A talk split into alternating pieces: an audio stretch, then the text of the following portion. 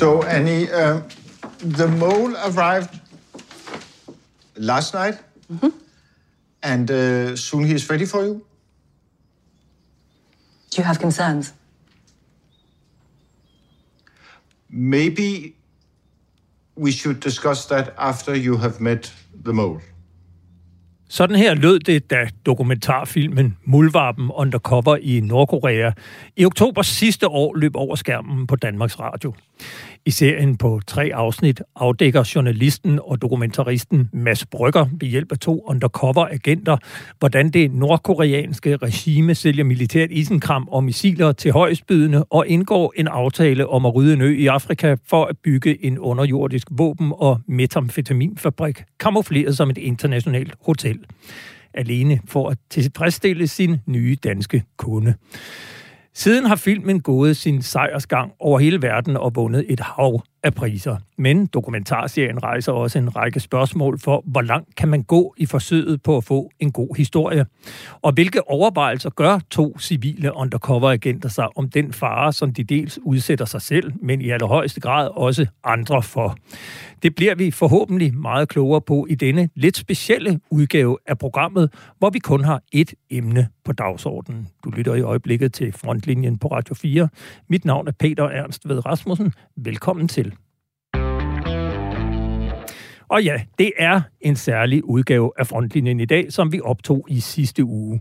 Når vi sender tirsdag kl. 11.05, sidder jeg i Københavns Byret, stævnet af direktør Jeppe Handværk og virksomhederne Copenhagen Global og Copenhagen Group, for en jurier i forbindelse med en række artikler, jeg har skrevet på Olfi om militære handler mellem Jeppe Handværks virksomheder og forsvaret. Hvordan den sag ender, skal jeg nok orientere dig om, når der er faldet dom, formentlig en gang efter nytår. Men derfor er jeg naturligvis glad for, at jeg nu kan byde velkommen til dig, Ulrik Larsen. Tak. I offentligheden bedre kendt som Muldvarpen i Nordkorea. I will soon go to Spain to visit Alejandro Donji and give him a detailed report about what we achieved here together with James. Skål! Skål. Skål. Ulrik Larsen, hvad er det, der foregår på de her optagelser? Jeg øh, var fløjet til Nordkorea med Mr. James, som er Jim Latrashes øh, dæknavn i den, hvad skal vi kalde det, den kriminelle underverden. Det er din med undercover-agent. Ja. Øh, historien er, at øh, i 2013 lærer jeg Alejandro Cao de Benas at kende, som er præsident for KFA, den internationale venskabsforening for Nordkorea.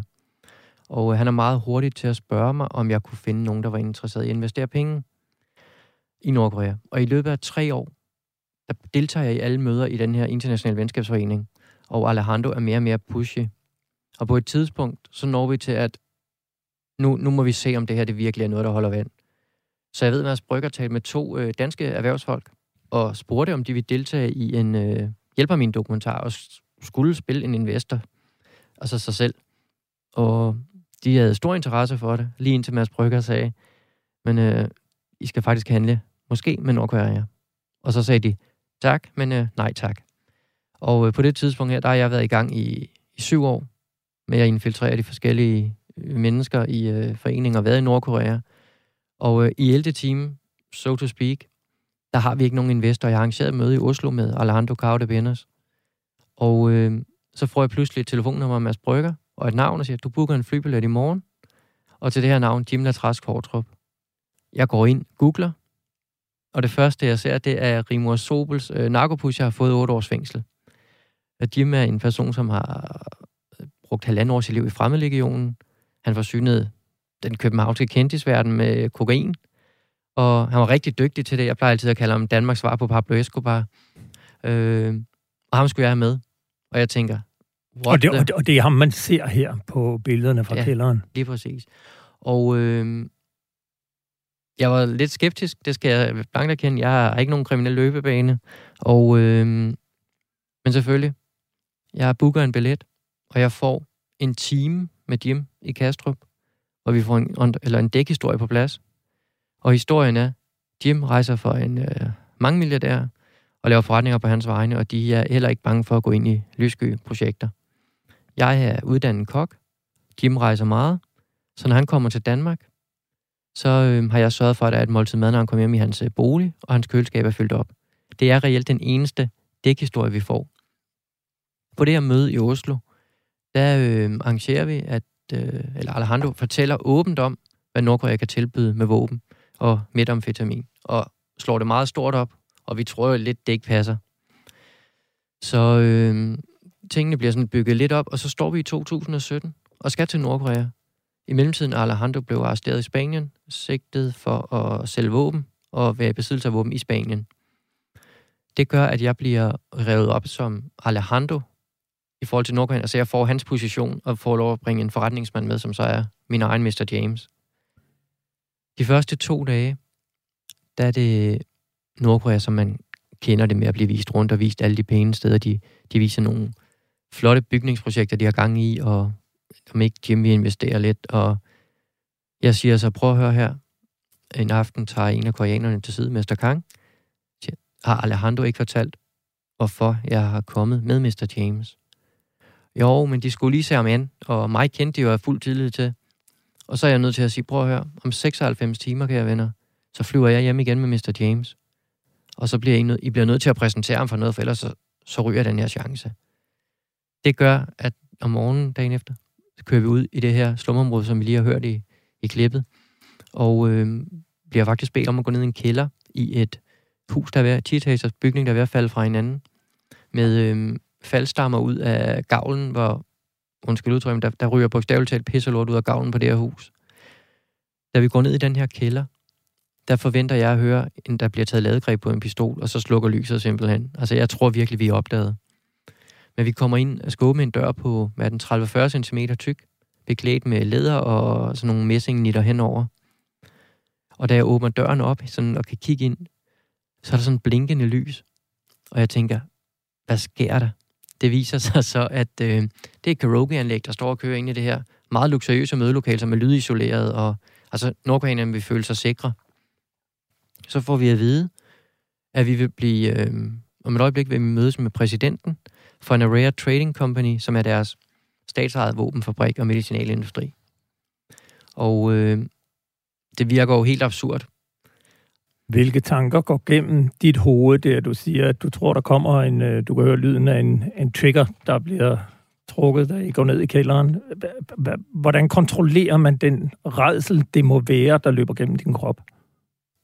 Jeg har jo fundet ud af, at øh, jeg har åbenbart haft talent for det her. Også sagt af en øh, tidligere serieagent, at, at jeg har den her ro i mig. Og jeg var indstillet på, da, da, da vi gik ned der, at det kan gå galt. Altså den tanke, der kom op i mit hoved, det var, jeg har ikke fortalt min familie noget. Og i Nordkorea, det er, at du flyver ind i et sort hul. Altså jeg kunne ikke bare tage min telefon og ringe hjem. Så på stedet var jeg jo bare forsvundet i Nordkorea. Hvis, så frem der i så fald. Men jeg vil sige, at jeg kommer ind og ser det her veldækkede middagsbord og karaokeanlæg, så først tænker jeg, først skal vi lige fejre vores skæbne, og og efterfølgende så, så er lyset slukket. Jeg kan ikke gøre noget, så nu må jeg bare holde, holde, hvad skal man sige. Det var ikke engang, fordi jeg havde en speciel karakter. Jeg var mig selv hele vejen igennem. Altså jeg plejer at sige, jeg har været 95% Ulrik og 5% Muldvarp. Mm. Den løgn, jeg har lavet over for de mennesker, jeg har bedraget, hvis jeg kan bruge det udtryk, det har jo været en meget ærlig historie om min egen person. Nu er det jo mere end et år siden, at filmen havde premiere, og endnu længere tid siden, at de afsluttede optagelserne. Og man kan sige, du glemmer selvfølgelig nok aldrig nogensinde projektet, men, men det er i hvert fald kommet mere på afstand, og du står i hvert fald et andet sted nu, end du gjorde for et år siden, og har måske også haft mulighed for at reflektere over det, du har været igennem på sådan en lidt anden måde. Når du ser tilbage på det, du var igennem de 10 år, og, og, og det, du har oplevet det seneste år, vil du så gøre det igen? Altså, man skal jo aldrig sige aldrig. Men jeg vil sige, det er måske også svært for mig at lave et projekt som det her igen, fordi nu er Muldvarpen øh, Danmarks historiens bedst sælgende dokumentar nogensinde, og er jo bogstaveligt talt kommet ud over hele kloden. Og det er jo også en stor omvæltning, at PET pludselig skal sidde i ens hjem og rådgive en om ens sikkerhed, og hvordan man skal begære sig. Og jeg holder jo øh, foredrag nu, og har lige været på, her i efteråret, været på Tunnel Danmark rundt, og har en sikkerhedsvagt med, som ja, så, som bogstaveligt taget varetager min sikkerhed for, ikke fordi der er ikke nogen trussel direkte imod mig, men det er også den her med, at der, der kan være en gal mand eller kvindes værk, som har set sig sure på mig, og der er jo individer, der, der ønsker mig langt væk fra jordkloden. Mener du, den effekt, som filmen har haft, øh, reflekterer eller afspejler den meget store personlige risiko, som du jo uden tvivl har løbet gennem det projekt? Uha. Jeg har...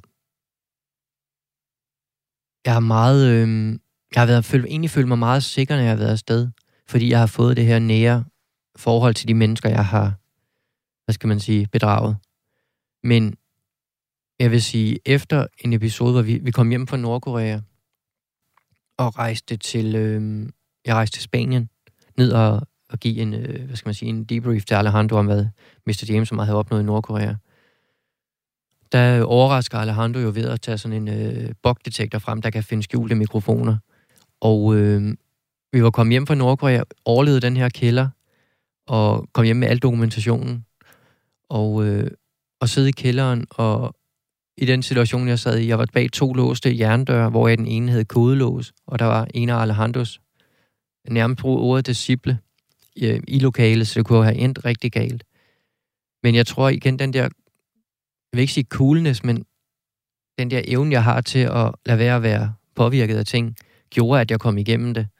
Men derfra besluttede sikkerhedsmæssigt også, den sikkerhed, der var bag produktionen, at øh, fremadrettet, når jeg skulle til nogle arrangementer, så skulle vi, jeg styre de steder, vi skulle være. Altså, det var mig, der bookede hoteller og arrangerede møder med Mr. James og de her folk.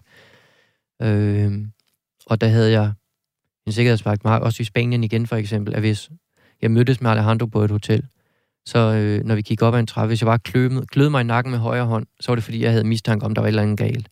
Og det mødelokale, vi sad i, var der en øh, mikrofon, der afspillede direkte ud til sikkerhedsmanden. Hvor jeg så havde et kodeord, at hvis det ord blev sagt, så vidste han, at så, så rykker vi.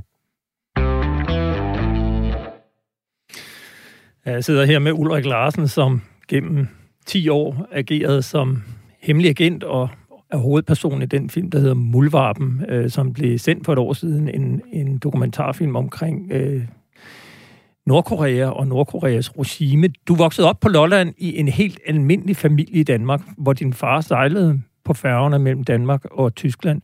Hvordan opstod interessen for Nordkorea?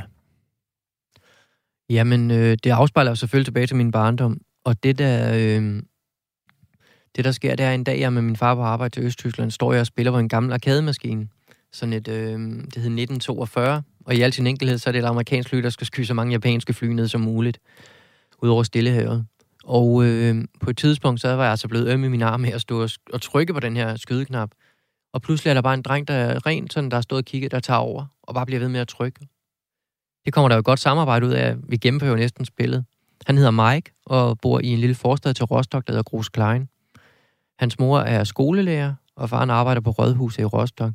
Så de har fået det her privilegie, at de kunne få lov at sejle med færgen en tur til Danmark og tilbage igen som sådan en belønningstur.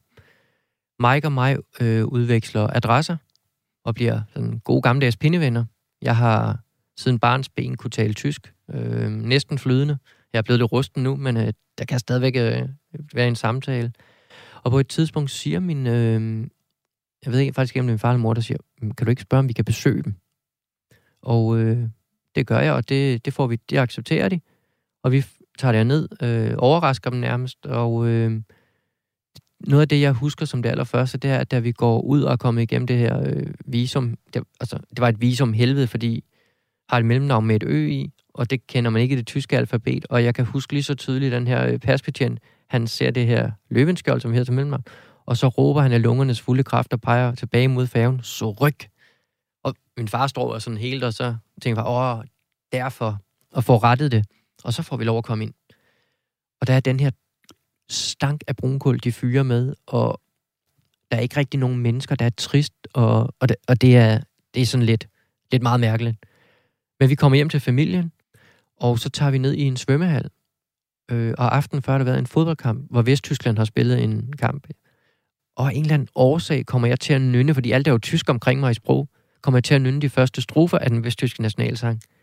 Det gør, at Mike han nærmest hopper hen over bænke og bord og stikker en hånd ned i munden på mig og siger, det må du ikke. Vi er, vi er socialister, og, og de er kapitalister. Det er farligt.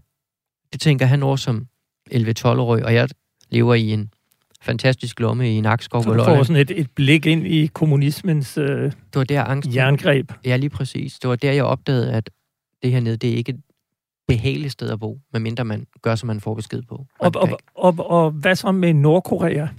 Jamen, der går mange år, og øh, altså, jeg vokser op, og glemmer lidt kontakt med muren, falder, og, og så kommer Mads Brygger med det røde kapel. Og det her Mads, han prøver at dokumentere, er jo absurd på den måde, han gør det, og det er jo det, der virker. Inden vi går videre dertil, så, så er jeg nødt til lige at spørge dig, har du, har du på noget tidspunkt haft sympati for nogle af de her regimer? Kan, må jeg spørge dig, hvor du ligger politisk? Altså, at, har, har du hele tiden haft aversionen mod det, eller har der også været lidt en fascination? Det er jo... Jeg tager jo dybt afstand fra den måde at behandle mennesker på, altså hele den der totalitære regime. Og øh, det har jo altid siddet i mit, øh, i mit baghoved, det her, og prøve at forstå det, fordi jeg oplevede det som barn. Du har ikke, det er ikke fordi, du har været sådan draget af det, du har oplevet i de der regimer. Øh, det har faktisk været noget, der har været en aversion altid.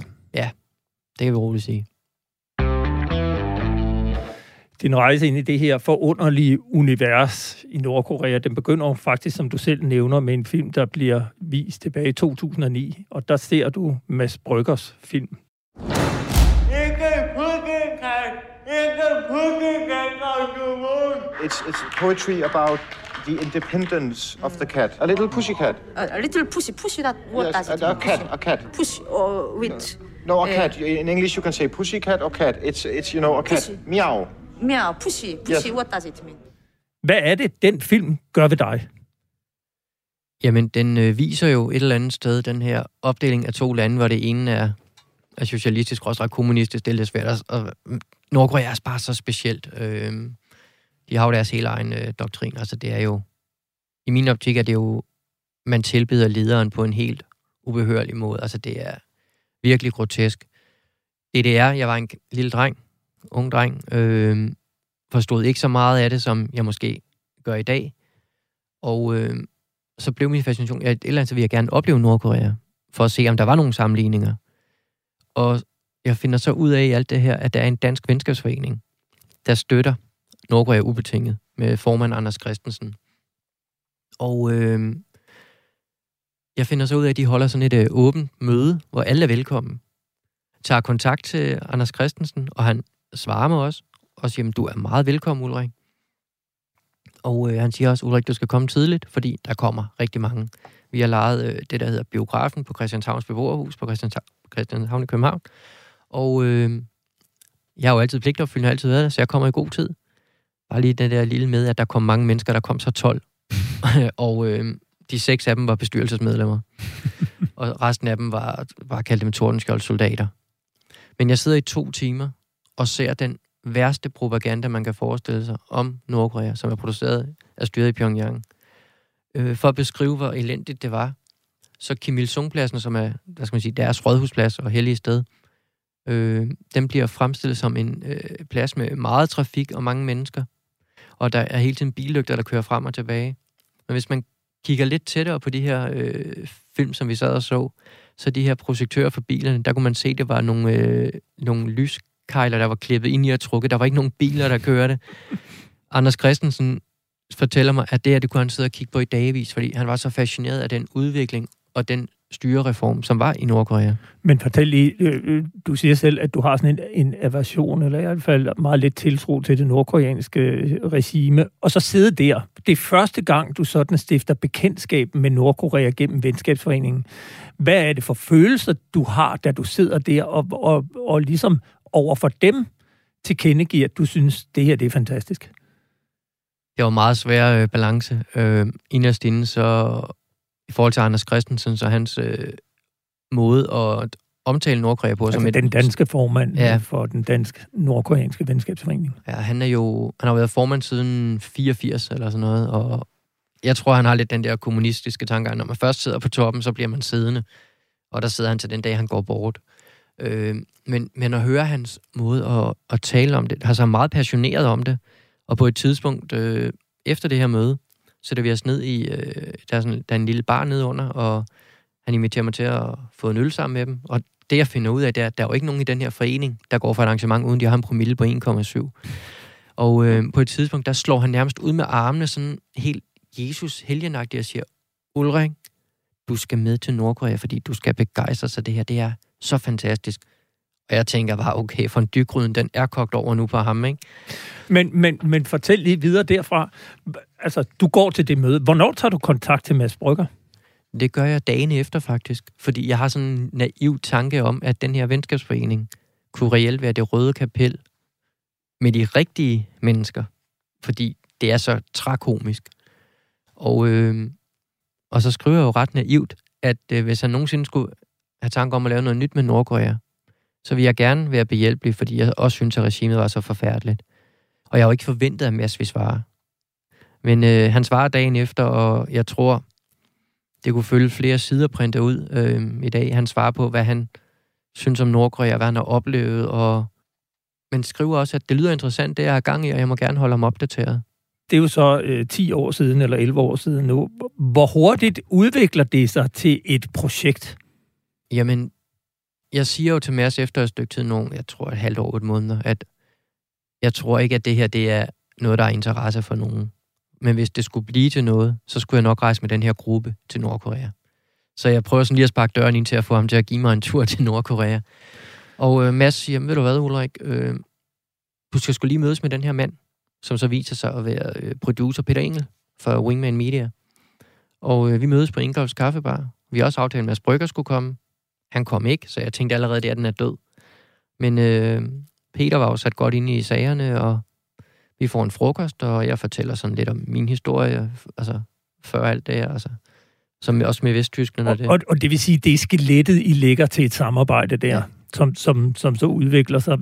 Jeg kunne godt tænke mig lige at spørge, i, i forbindelse med, at det sådan tager form, og det udvikler sig, laver I en kontrakt, aftaler I penge? Får du løn for det arbejde, du gør, eller laver I en aftale om, at der kommer en betaling, hvis der bliver en film, eller hvordan foregår sådan noget?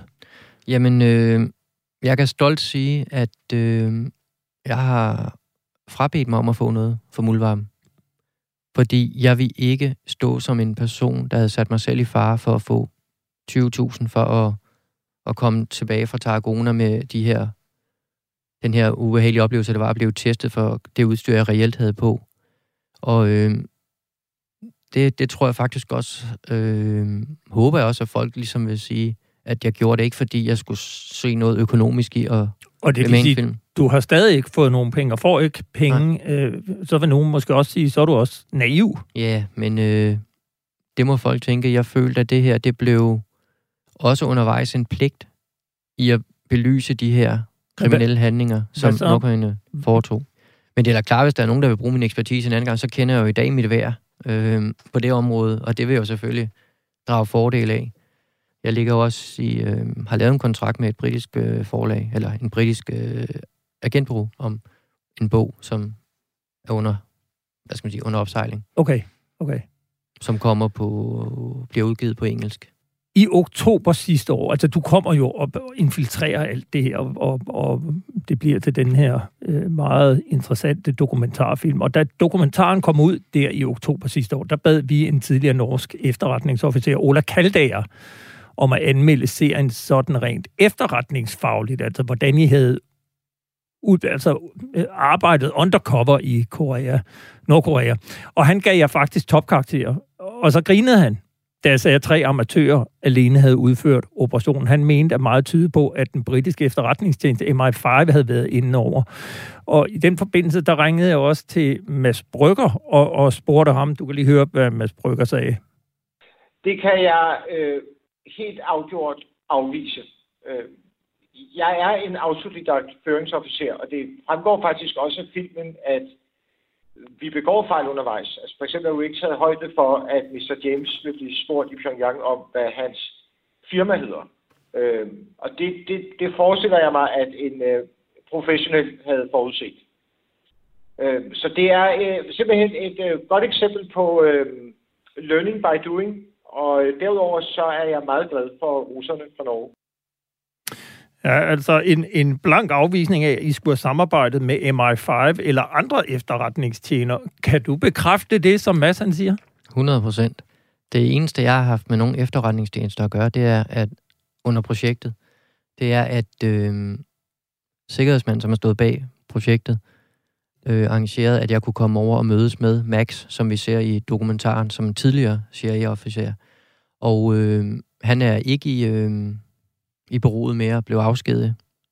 Og han kendte heller ikke til den fulde del af det. Han lærte mig nogle fif til, hvordan jeg kunne minge mig ind på det folk. Var, det, var, det var sådan en, et, et crash course, det, det men du betragter sige. dig selv som autodidakt øh, efterretningsagent? I dag må jeg sige, at jeg har nok valgt nok den forkerte branche for, for unge, de unge over af. Øhm.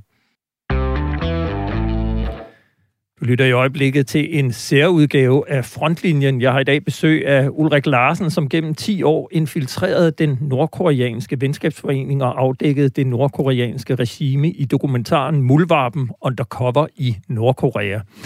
Dokumentarserien i tre afsnit havde premiere i oktober sidste år, har vagt berettiget opsigt over hele verden og høstet en række priser. I dokumentaren ser man, hvordan du, Ulrik Larsen, opbygger tillid til ham, der hedder Alejandro Caude Benos, som er leder af den internationale nordkoreanske venskabsforening. Og i løbet af nogle år bliver du hans mest betroede samarbejdspartner. Det virker jo så også, at du på et tidspunkt rejser til Nordkorea.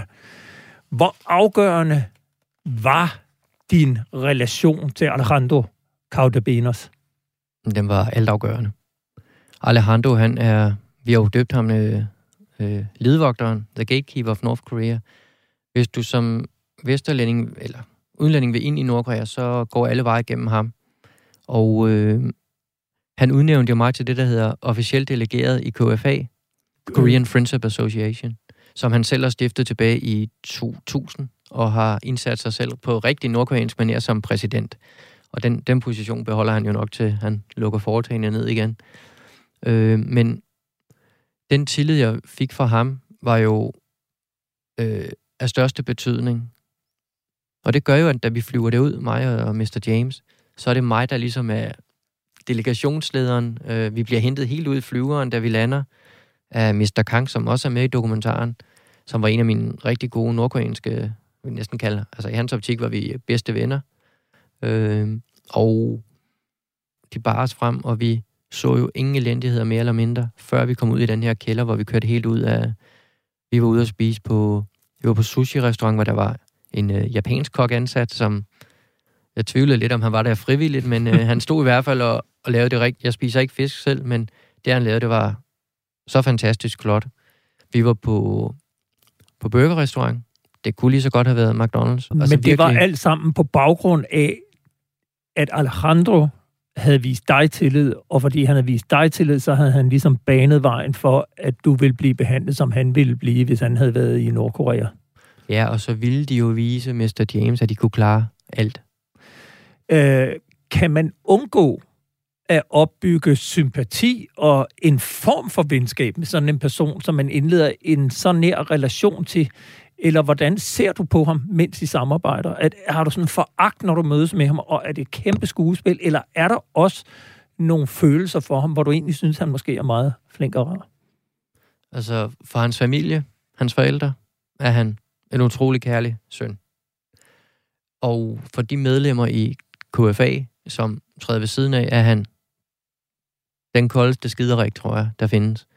Han er han vifter hurtigt folk væk, han ikke bryder sig om. Han er meget øh, dominerende. Han er ikke en person, jeg vil under andre omstændigheder tilbringe så meget som fem minutter sammen med, så jeg rejst mig og gået. Men fordi han har den magt, han har i forhold til at få folk ind i Nordkorea, bliver jeg jo nødt til at så, for, så foregive, det, at jeg synes, han er en god kammerat. Ja, så, så, så for dig er det ren business? Altså, der er ikke noget øh, varmt ja. forhold til ham på ingen måde. Facaden. På ingen måde. Og en af de ting, jeg gjorde, når jeg skulle ind til de her møder, det var jo også at forberede mig på, at nu, nu skulle jeg være hans ven de næste to timer, og jeg brugte altid det her trick med på vej op til et møde og smed mine AirPods i ørerne, og så bragede jeg Metallica af og lige fik, du ved, rystet hovedet lidt rundt, og, og så gik jeg ind med den her altså fuldstændig skuespilsagtige person, men stadigvæk mig selv inderst inde, men bare forgav, at jeg knuselskede manden. This is a bug detector. It will detect any kind of the of bugs that you may carry in your Ah. body or someone Okay. may have put to you. Okay. If you Yeah. had a micro or something in you, Ah, okay. it will make the signal. Okay. Okay. Okay. Ah, okay. Perfect. Øh, er der tidspunkter, hvor du frygter for at afsløre dig selv, eller at du bliver afsløret? Jeg tror ikke, Alejandro har haft mistanke til mig overhovedet. Fordi jeg har virkelig holdt en tæt kontakt med ham, både på, på altså WhatsApp-kommunikation og, og telefonsamtaler, hvor vi har snakket om vinder og vejr også, og virkelig, du ved, beholdt det her, som jeg har gjort med mine andre kammerater, men selvfølgelig med den her skjulte agenda. Men jeg har en gang været bange for at være afsløret i København øh, på en rød 1. maj i Fælledparken. Jeg har en kammerat, der hedder Martin, der er to meter og tre høj, og der står jeg i den her nordkoreanske båd. Og Martin, som jeg har kendt 25 år, er ikke typen, som går på politisk festival. Men tilfældigvis var han der lige pludselig den dag. Og der satte jeg mig simpelthen ind under båden, ned under, blandt nordkoreanske propagandaplakater, og sad i 20 minutter med min telefon, og bare sad og spillede. Hvor der er en, der bukker sig ned og siger, hvad er der? Og så siger jeg, jeg fik det meget dårligt, så jeg er lige nødt til at tage en slapper. Simpelthen fordi du var bange for, at han skulle genkende dig. Ja, han skulle ikke se mig. Han ville jo tænke, altså, den er jo stukket helt af i fugl, ikke? Hvad, hvad sker der, ikke? Det var den så også. Det var den også, ja. Øh, du spiller jo hovedrollen, og, og uden dig var der aldrig blevet nogen film, men projektet med at afdække regimet udvikler sig over årene, og på et tidspunkt så blev du så intro- introduceret for ham, du allerede har nævnt, Mr. James, altså Jim Latrache Kvartrup. Øh, det betyder også, at hele din undercover-identitet bindes op på en for dig fremmed mand, som du har beskrevet, hvor, hvor fremmed han var. I lærte hinanden at kende en time, inden I rejste sammen. Hvor, hvordan forbereder I øh, jeres samarbejde, eller hvordan udvikler det sig? Jim er jo en person, som er meget... Øh... Han fylder meget, når han går ind i et rum. Øh, Jim kan godt lide opmærksomhed, og, og jeg er mere den her stille type, tilbageholdende type. Og jeg tror, at hele det samspil mellem ham og mig blev kun godt på grund af, at der var de store forskelle mellem os, fordi jeg kunne ligesom lade Jim køre sin karakter, og jeg kunne blive min egen rolle, og så trække lidt ud til koreanerne og sige, jamen, Jim, Mr. James, arbejder i en verden, hvor der er mange penge. Han er vant til at få det, han vil have. Penge er ikke et issue. Og jeg sagde til dem, når Jim er her, så koster det ham måske 125.000 euro i døgnet at være her. Og den forstod koreanerne ikke. Og det, jeg egentlig mente med det, var, at han har jo ikke mulighed for at kommunikere med sine samarbejdspartnere. Så han kan jo ikke holde hjulene i gang. Han kan ikke så, holde forretningen nej, kørende Så han hjemme. mister pengene. Og det var som om, den historie gjorde, at de fik også tillid til ham. Og når man er i Nordkorea, så er det deprimerende. Så vi havde også øh, den her pingpong med rigtig dårlige jokes for at holde det kørende. Og hvis der er noget, man ikke har i, i et land som Nordkorea, så er det faktisk humor. Men Mr. Kang, som, som også har været i Danmark, jeg har mødtes med i Danmark, jeg har mødtes med ham i Belgien, jeg har mødtes med ham i Spanien, han, han er en meget berejst nordkoreaner. Han har fået lidt af humoren. Og øh, på et tidspunkt, vi kører rundt i Pyongyang, og det er minus 20 grader, mens vi er der. Og så sidder øh, Nordkorean, de sidder ude på isen, der er floden, Taedongfloden, der løber igennem byen. Der har de banket hul, og der sidder de rundt om i ring flere steder. Så spørger Jim, hvorfor sidder de der? Og nordkoreanerne vil jo ikke sidde og sige, at de prøver at fange fisk for at få noget mad på bordet. Fordi de sad jo med, med nogle improviserede fiskestænger. Og øh, vi får at vide, jamen der sidder de, fordi nu kan de se byen fra en anden vinkel. Okay. Da vi har lavet de her kontrakter og kører tilbage, så siger Jim, nu ved jeg, hvorfor de sidder der rigtigt. Og jeg tænker bare, nu holder du. Stop. Ikke? Og, han siger, og de sidder der faktisk helt til foråret.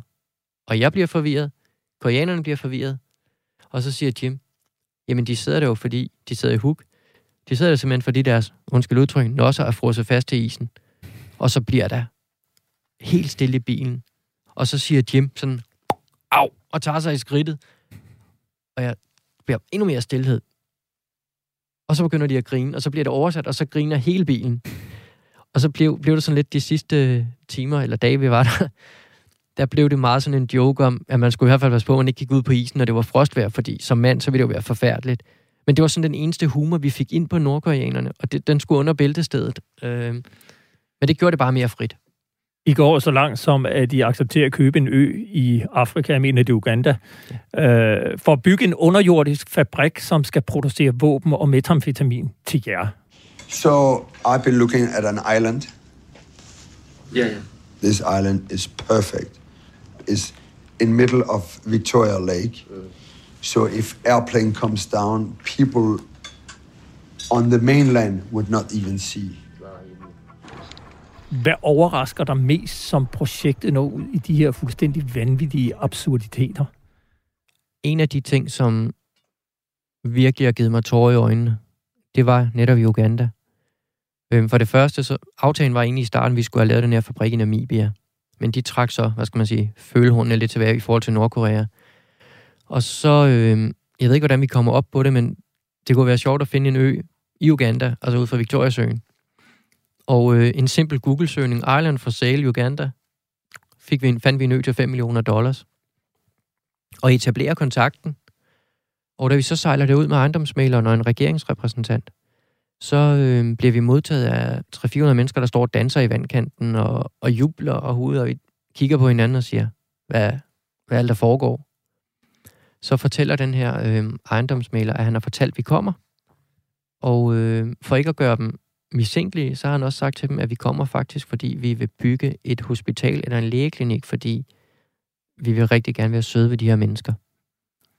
Og det, kan man, det bliver jeg jo sådan lidt forarvet over, men det, der så virkelig slår det hele stykker for mig, det er, at han beder at så mange mennesker som muligt om at komme ind i deres kirke, som er bygget af, ja, men af hvad de har kunne finde rundt om i jorden, og, har meget heldigt sted for dem.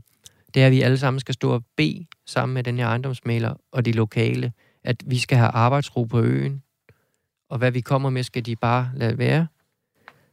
Og vi ved jo godt, at de vil blive smidt væk, for det er en del af aftalen, at de skal væk fra øen. De skal deporteres. Præcis. Men jeg har også arrangeret med nordkoreanerne, at de kommer til Uganda og skulle fortsætte forhandlingerne med mig og Mr. James, og også se øen. Men vi beslutter så heldigvis, at vi vil ikke sejle ud med dem igen, for vi sejlede ud første gang. Så vi øh, beslutter at lege en helikopter og flyve rundt. Og der bor ikke 3.000, eller undskyld, 300 mennesker på øen, men der bor 3-4.000 mennesker på øen lige pludselig, fordi vi får set den anden side. Og de her mennesker, de vil blive hjemløse i løbet af, af kort tid, og den nærmeste ø var en halv time væk. Hvad gør det ved dig? Jamen, jeg bliver frustreret, øh, sur. Jeg får lyst til at tage ejendomsmaleren og smide de decideret i Victoriasøen. Men jeg ved jo også inderst inde, vi kommer aldrig til at købe den her ø. Men igen, den rigtige Ulrik, som elsker Nordkorea, Alejandro, findes derude. Og Mr. James findes jo også et sted derude, som er fuldstændig ligeglad med, med menneskeliv. Øh, det udvikler sig, og, og, og det kommer til en ende, da de begynder at rykke for penge. Altså, der kan I ikke trække den længere. Og, og da projektet her er ved at nå sit klimaks, og du skal afsløre dit sande forhævn, så foregår det jo på et hotel. Jeg mener, det er D'Angleterre. Det er rigtigt. Nej, øh, undskyld. Øh, vi afslører det på Marriott. På Marriott, Ja. okay. Og, og, og, og det sker så via en videosamtale med Alejandro Caudebenos. Var det en lettelse for dig endelig at kunne afsløre hele historien for ham? Jeg vil sige, i det øjeblik, jeg fik det sagt, tabte jeg 20 kilo af, af bekymringer og, og virvar i mit hoved med at hele tiden at holde den her, øh, hvad skal man sige, holde historien kørende. Det, der var i det, og jeg fandt først ud af det, efter de farlige optagelser var i hus, det var, at Mads Brygger havde en forhistorie med Alejandro Caudebenos. Da Mads lavede research til det røde kapel, der var hans vej ind i Nordkorea gennem Alejandro. Og Alejandro har så lige siden åbenbart haft dyb fag for Mads Brygger.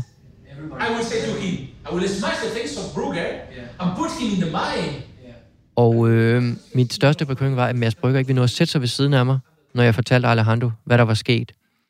Og det, det nåede vi. Heldigvis, at han gjorde. Men det, som jeg tænker i dag, det er, og det gjorde lige efter det også, jeg sidder med, jeg sidder over for Alejandro, den person, han stoler allermest på i forhold til Nordkorea. Og så sætter den journalist, han fakter allermest, sig ved siden af mig, og, og, og, og vi har et samarbejde kørende mod ham og mod hans elskede Nordkorea. Det må have været det mest forfærdelige, der er overkommet ham i hans liv. Og han afbryder også kontakten meget hurtigt. Og så forsvinder jeg for de fleste, øh, hvad skal man sige, øh, sociale mediesider, som han administrerer som KFA's præsident. Hvordan havde du det selv? øh, jeg var lettet, og på en eller anden måde var jeg også rigtig, rigtig stolt af, hvad jeg på det tidspunkt havde været med til at dokumentere. Hvad, hvad, hvad sker der fra nordkoreanernes side? Det er de minutter, timer og dage, der, der følger den afsløring? Der går ikke ret lang tid, for jeg har fortalt det til Alejandro, til min telefon begynder at ringe fra den nordkoreanske ambassade i Stockholm. Og jeg svarer selvfølgelig ikke. Og øh, det viser sig så, da, da det her det bliver breaket for medierne, hvor man også har taget kontakt til ambassaden i Stockholm, at først så vidste de slet ikke, hvem jeg var. Men jeg havde en oversigt over alle de opgaver, de har lavet til mig, og al vores øh, WhatsApp-kommunikation har jeg jo liggende, og det er sikret i dag. Øh, så kommer de med den her historie om, at øh, jeg havde godt nok været på ambassaden i Stockholm. Det var dog for at aflevere nogle papirer til dem. Selvom vi beviser, at de vi overrækker mig de her tegninger, arkitekttegninger af projektet i Uganda, og det er kommet med diplomatpost derudefra. Og til sidst, der vælger de egentlig bare at... Jeg tror, de simpelthen har sagt, det her, det er, vi kan ikke øh, forsvare det her, og derfor vælger de at ligesom lægge låg på, øh, og ikke udtale sig om det. Og hvad de har sagt i Nordkorea, det, det tør jeg ikke tænke på. Jeg ved, de små propagandafilm, jeg lavede i sin tid, som var min vej inden for at filme for den danske forening, de har jo været vist på Nordkoreans tv. Jeg tror, jeg tvivler på, om de bliver vist i dag, men, øh, men, men jeg blev personer nogle grader på et sekund. Du lytter til Frontlinje på Radio 4. Jeg hedder Peter Ernst ved Rasmussen. Over for mig sidder Ulrik Larsen, der i dokumentarserien Muldvarpen gik undercover i Nordkorea. Og Ulrik, jeg kunne godt tænke mig at afslutte vores samtale det sted, hvor dokumentarserien egentlig begynder. Hi, Ulrich. I'm Annie.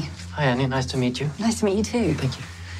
I used to work for the British Security Service, otherwise known as MI5, and part of my job as an intelligence officer was to debrief agents. So the film team has asked me in to debrief you about your life over the last 10 years. Det her er Annie Macron, en tidligere britisk MI5-agent, der foretager en såkaldt debriefing, som skal forberede dig på at forlade dit undercover-liv og træde tilbage ind i dit eget. Hvordan har du håndteret den proces har have været så dybt involveret i en tophemmelig mission, kan vi jo godt kalde den, og så pludselig lægge det hele fra dig? Uha. Det sværeste i det her var jo nok at fortælle min hustru sandheden, som ingenting har vidst om projektet. Men øh, jeg vil sige, jeg synes selv, jeg har været god til at, at vende tilbage, for jeg har jo været meget mig selv undervejs også, og ligesom hoppe ind i den her rolle, når jeg skulle. Men øh, det er jo klart, at når lige pludselig hele omverdenen også får interesse i en, og jeg vil sige, det første døgn efter Mulvarm har haft premiere, der havde jeg over 4.000 beskeder på Twitter, og jeg tror, jeg havde omkring 1.400 på Facebook, og Instagram var gået helt græsat også. Der, øh, der skulle jeg lige finde fodfæste, og, og jeg har jo hele tiden haft den her overbevisning om, at jeg bare er en almindelig mand, som har gjort noget fuldstændig vanvittigt. Hvor lang tid går der fra, at øh, du laver tæppefald over for Alejandro Caudebenas til den første dokumentarfilm bliver sendt, eller den ja. første... Der går en lille måneds tid. Okay. Det, det er klippet det... så tæt på, okay. og afsløret så tæt på. Og øh, det var jo helt surrealistisk, da der var premiere, at om morgenen mine børn kommer ind og siger, far, du er i tv? Og jeg tænker, ja, men jeg vidste jo godt, at vi kom om aftenen, og vi havde en premiere inde i, i Grand Bio. Men at det var alle nyhedskanalerne, der omhandlede mig og Mads Brygger, og, og hele tiden hørte det her muldvarp, Ulrik Larsen, det var jo, altså, det kunne man slet ikke forholde sig til lige i momentet. Og jeg blev jo også af PET bedt om at, at forlade, forlade min bopæl i nogle dage, så der lige kunne, altså, så det værste lige kunne falde ned for, for sikkerhedens skyld. Mange agenter og politifolk, som har arbejdet undercover, taler ofte om, at det er svært at slippe den identitet, man ligesom har levet med. At er der elementer af din, jeg vil næsten kalde den nordkoreanske identitet, du har haft svært ved at slippe? Jeg tror, øh, min nysgerrighed generelt for ting, der virker absurd, er nok blevet styrket af det. Det kan, det kan jeg ikke slippe. Og jeg skal da også være den første, og jeg altid indrømme, at jeg kigger der hele tiden efter nye muligheder for at gå ind i noget lignende, hvilket jeg måske godt ved er umuligt. Men jeg tror, min øh, hustru er rigtig god til at holde mig nede på jorden også i det her. Øh, heldigvis for det. Og øh, jeg har jo bevidst valgt at holde mig meget væk fra offentlige steder siden premieren, fordi jeg bliver hele tiden mindet om min, min rolle i det her. Så sent som i går aftes var jeg inde og har en øh, god kammerat, der er en restauration i København. Og inde og besøge ham. Og øh, han havde lidt travlt, så han sagde, sæt dig i baren og få en cola, og så kan vi lige snakke. Og mens jeg sad i den her bar, der skulle samtlige gæster op til en, og, og det, det er meget rart, når det er positivt, og det har det været det meste af vejen. Øh, og det er jo bare utroligt, at et år efter, at det stadigvæk er sådan. Så den, det bliver svært for mig at slippe den der muldvarperolle. Det, det, det er jo også folk, der har sagt, det der, det følger der resten af, af livet. Og de går også bare og venter på, at der kommer noget nyt for mig. Man kan sige, gennem hele den her udsendelse, eller hele det her projekt, der har du skulle lyve og bedrage i en grad, som ja, de færreste nogensinde kommer i nærheden af. Hvordan har du undgået at tage den adfærd med dig ud i dit virkelige liv nu? Kan du lægge det helt fra dig? Jeg vil sige det sådan, jeg er 100% ærlig over for min familie nu. Øh, og det har jeg også altid været. Men det her, det blev også en... Øh... Jeg havde uretfærdighed, og jeg synes jo, at vi skal passe på de mennesker, der ikke har det godt i samfundet. Og med det, jeg undervejs fandt... Det var jo en lille snibbold, der blev lagt på toppen af Mount Everest, og startede en lavine til sidst nærmest. Men de ting, jeg har opdaget undervejs, hvordan man altså, behandler folk. Afrika, jeg fik endda at vide, hvis der var en, jeg ikke brød mig om, i Uganda, jamen så kunne du bestille legemor for 50 dollar, og så var der ryddet op. Du skulle bare aflevere pengene, så skulle det nok blive ordnet. Og det her med at sende, gøre folk hjemløse, det er jo forfærdeligt. Og, kunne, og, men havde vi købt de her våben, så kunne vi jo have forsynet en terrorgruppe med våben. Det, jeg synes, det er helt absurd. Og min retfærdighedssans er bare sådan, at alle mennesker skal leve et trygt og godt liv. Og vi skal have frihed til at tænke og gøre, hvad vi har lyst til. Jeg kunne godt tænke mig at spørge om det her øh, forhold med, at øh, ikke bare har du jo risikeret dit eget liv, og Mr. James, altså Jim, har også risikeret sit liv. Hvilke overvejelser har I gjort jer omkring den risiko, I har udsat andre for? Altså, jeg tænker også på de nordkoreanere, som har hjulpet jer. Der er ingen, der ved, hvordan øh, nordkoreanerne reagerer over for folk, der har samarbejdet. Altså, øh, ja, hvil, hvilke overvejelser har du gjort dig om det? Jeg har selvfølgelig gjort mig ufattelig mange overvejelser over. Øhm, nu ved jeg, at øh, da Mads lavede det røde kapel, der var en samme snak omkring Mrs. Park, øh, den guide, som tog sig af dem. Og hende ved jeg efterfølgende stadigvæk er guide i Nordkorea. Øhm, men jeg må også, og det lyder koldt, men det er jo heller ikke mit ansvar, hvad den nordkoreanske regering gør med sine borgere. Og dem, som vi har samarbejdet med, er jo udsendinge af regimet. Men man skal også tænke på, at Nordkorea er jo under så stort et pres på grund af de sanktioner, der er. Så de er også meget, hvad skal man sige, fabrilske for at få, nogle, for at få noget cool cash ind i landet. Og øh, jeg tror ikke, der er sket de her mennesker noget, for jeg er også lidt af den overbevisning, at det her, der har nordkoreanerne også indset, at okay, der blev vi taget med bukserne nede, men hvis vi ikke taler om det og forsvarer det, så går det nok i glemmebogen. Det er sådan, jeg vælger at se på det. Øh, men, men det er jo et brutalt regime. Nu tænker jeg på Otto Warmbier, som blev udsat for det mest forfærdelige øh, form for tortur. Jeg har læst hans obduktionsrapport, som er jamen altså, det er skræmmende læsning. Og hvem var han? Men Otto, han var en øh, amerikansk studerende, som ja, var som, taget... som er med i dokumentarfilmen, hvor, hvor man ser, at han piller den her plakat ja. ned og bliver... Og jeg, jeg er jo så... Da muldvarpen kom ud, fik jeg en øh, besked fra USA for Cindy Warmbier, Otto Warmbiers mor, som var meget øh, imponeret af mit arbejde, og synes det var et vigtigt stykke arbejde, og hun var på sin vis stolt over, at Otto var en del af den. Men det, der er med det billede, det er, at øh, personen på billedet kan ifølge hans mor ikke være Otto, fordi Otto, han er høj, høj på 1,80 og, og tynd og slank ligesom mig. Og personen på billedet står sjov nok i sådan et øh, jakkesætsagtigt nordkoreansk udstyr og virker som en person på omkring 1,60-1,70. Den dokumentation, som nordkoreanerne bruger, er, at det er, det er pillet ned klokken 7 minutter over 1 om natten, nytårsnat, mellem 16 og 17. Og øh, det, der så er i det, det er, at øh, den rejsegruppe, han var med, han rejste med et øh, selskab, som hed, prøv oversættelsen til dansk, at øh, rejser til steder, din mor ikke ønsker, du tager hen. Øh, men Otto Warmbier stod på det her tidspunkt på Kim Il-sung-pladsen og holdt nytår blandt nordkoreanere, som er filmet af den rejsegruppe, også for flere forskellige personer. Og han er først tilbage på hotellet klokken halv fire. Jeg tror, Otto Warmbier, på grund af hans nationalitet som amerikansk statsborger, blev en brik i et politisk spil, og så tog det overhånd med den behandling, han blev udsat for. Det er i hvert fald en rædselsfuld historie. Han ender med at dø. Altså, han, han, bliver, ja. han, han bliver udleveret, han kommer tilbage til USA, men er jo blevet udsat for alt muligt, og formentlig fået gift eller dope, eller hvad ved jeg. Altså, nordkoreanerne meddeler den amerikanske myndigheder, at han har fået pølseforgiftning. Og helt øh, exceptionelt får de lov til at flyve et amerikansk øh, lægehold ind og tage ham hjem. Og øh, lægen kan hurtigt se, at det ikke er pølseforgiftning, men vælger at, selvfølgelig at, at få ham hurtigst muligt ud af landet.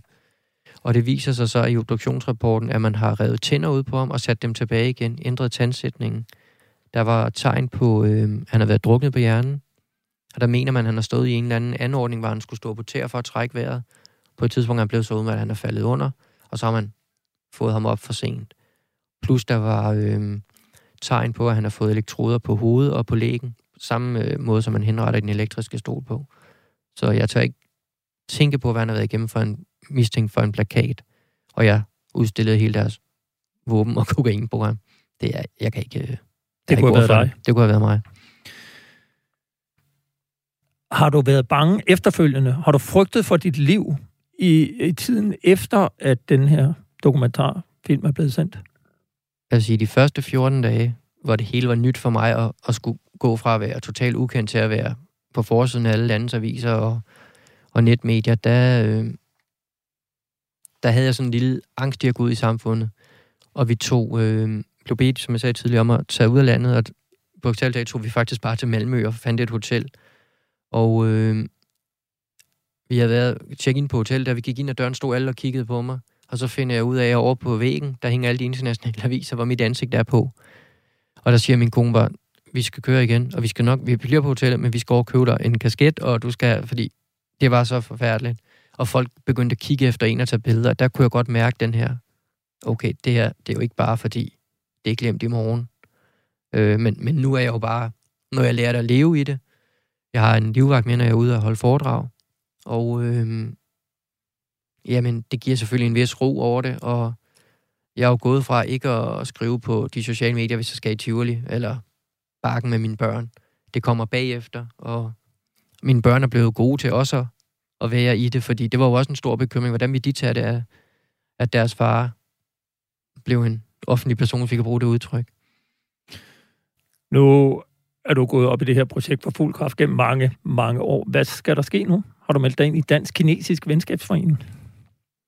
Ikke nu, men det var jo en meget god idé. Kina er jo så bare på et af de lande, jeg blev frarådet at rejse til at PT. men øh, det, jeg sådan synes kunne være meget interessant, det er, som verden er nu, og så ikke ret langt fra vores, vores trygge Danmark, der synes jeg, at Hvide Rusland er ved at bygge et samfund op, som hvis ikke der bliver gjort et eller andet, så ender vi jo næsten bogstaveligt talt med den samme problematik her i Europa. Vi må se, hvor øh, det ender henne. Du skal i hvert fald have tusind tak, fordi du vil komme ind og fortælle om dine oplevelser som mulvarp og undercover-agent i Nordkorea. Det var, hvad vi nåede at have med i dagens program. Du har lyttet til Frontlinjen. Husk, at du kan lytte til alle tidligere udgaver af programmet i din podcastplayer eller ved at besøge radio4.dk-frontlinjen. Har du ris eller ros eller idéer til emner, som vi bør tage op her i programmet, så kan du sende en mail til frontlinjen radio4.dk. Tilbage er der bare at sige tak, fordi du lyttede med i denne lidt specielle udgave af programmet. Vi glæder os til at have dig med igen om en uge på glædelig genhør. Samme tid, samme sted. Tak for i dag.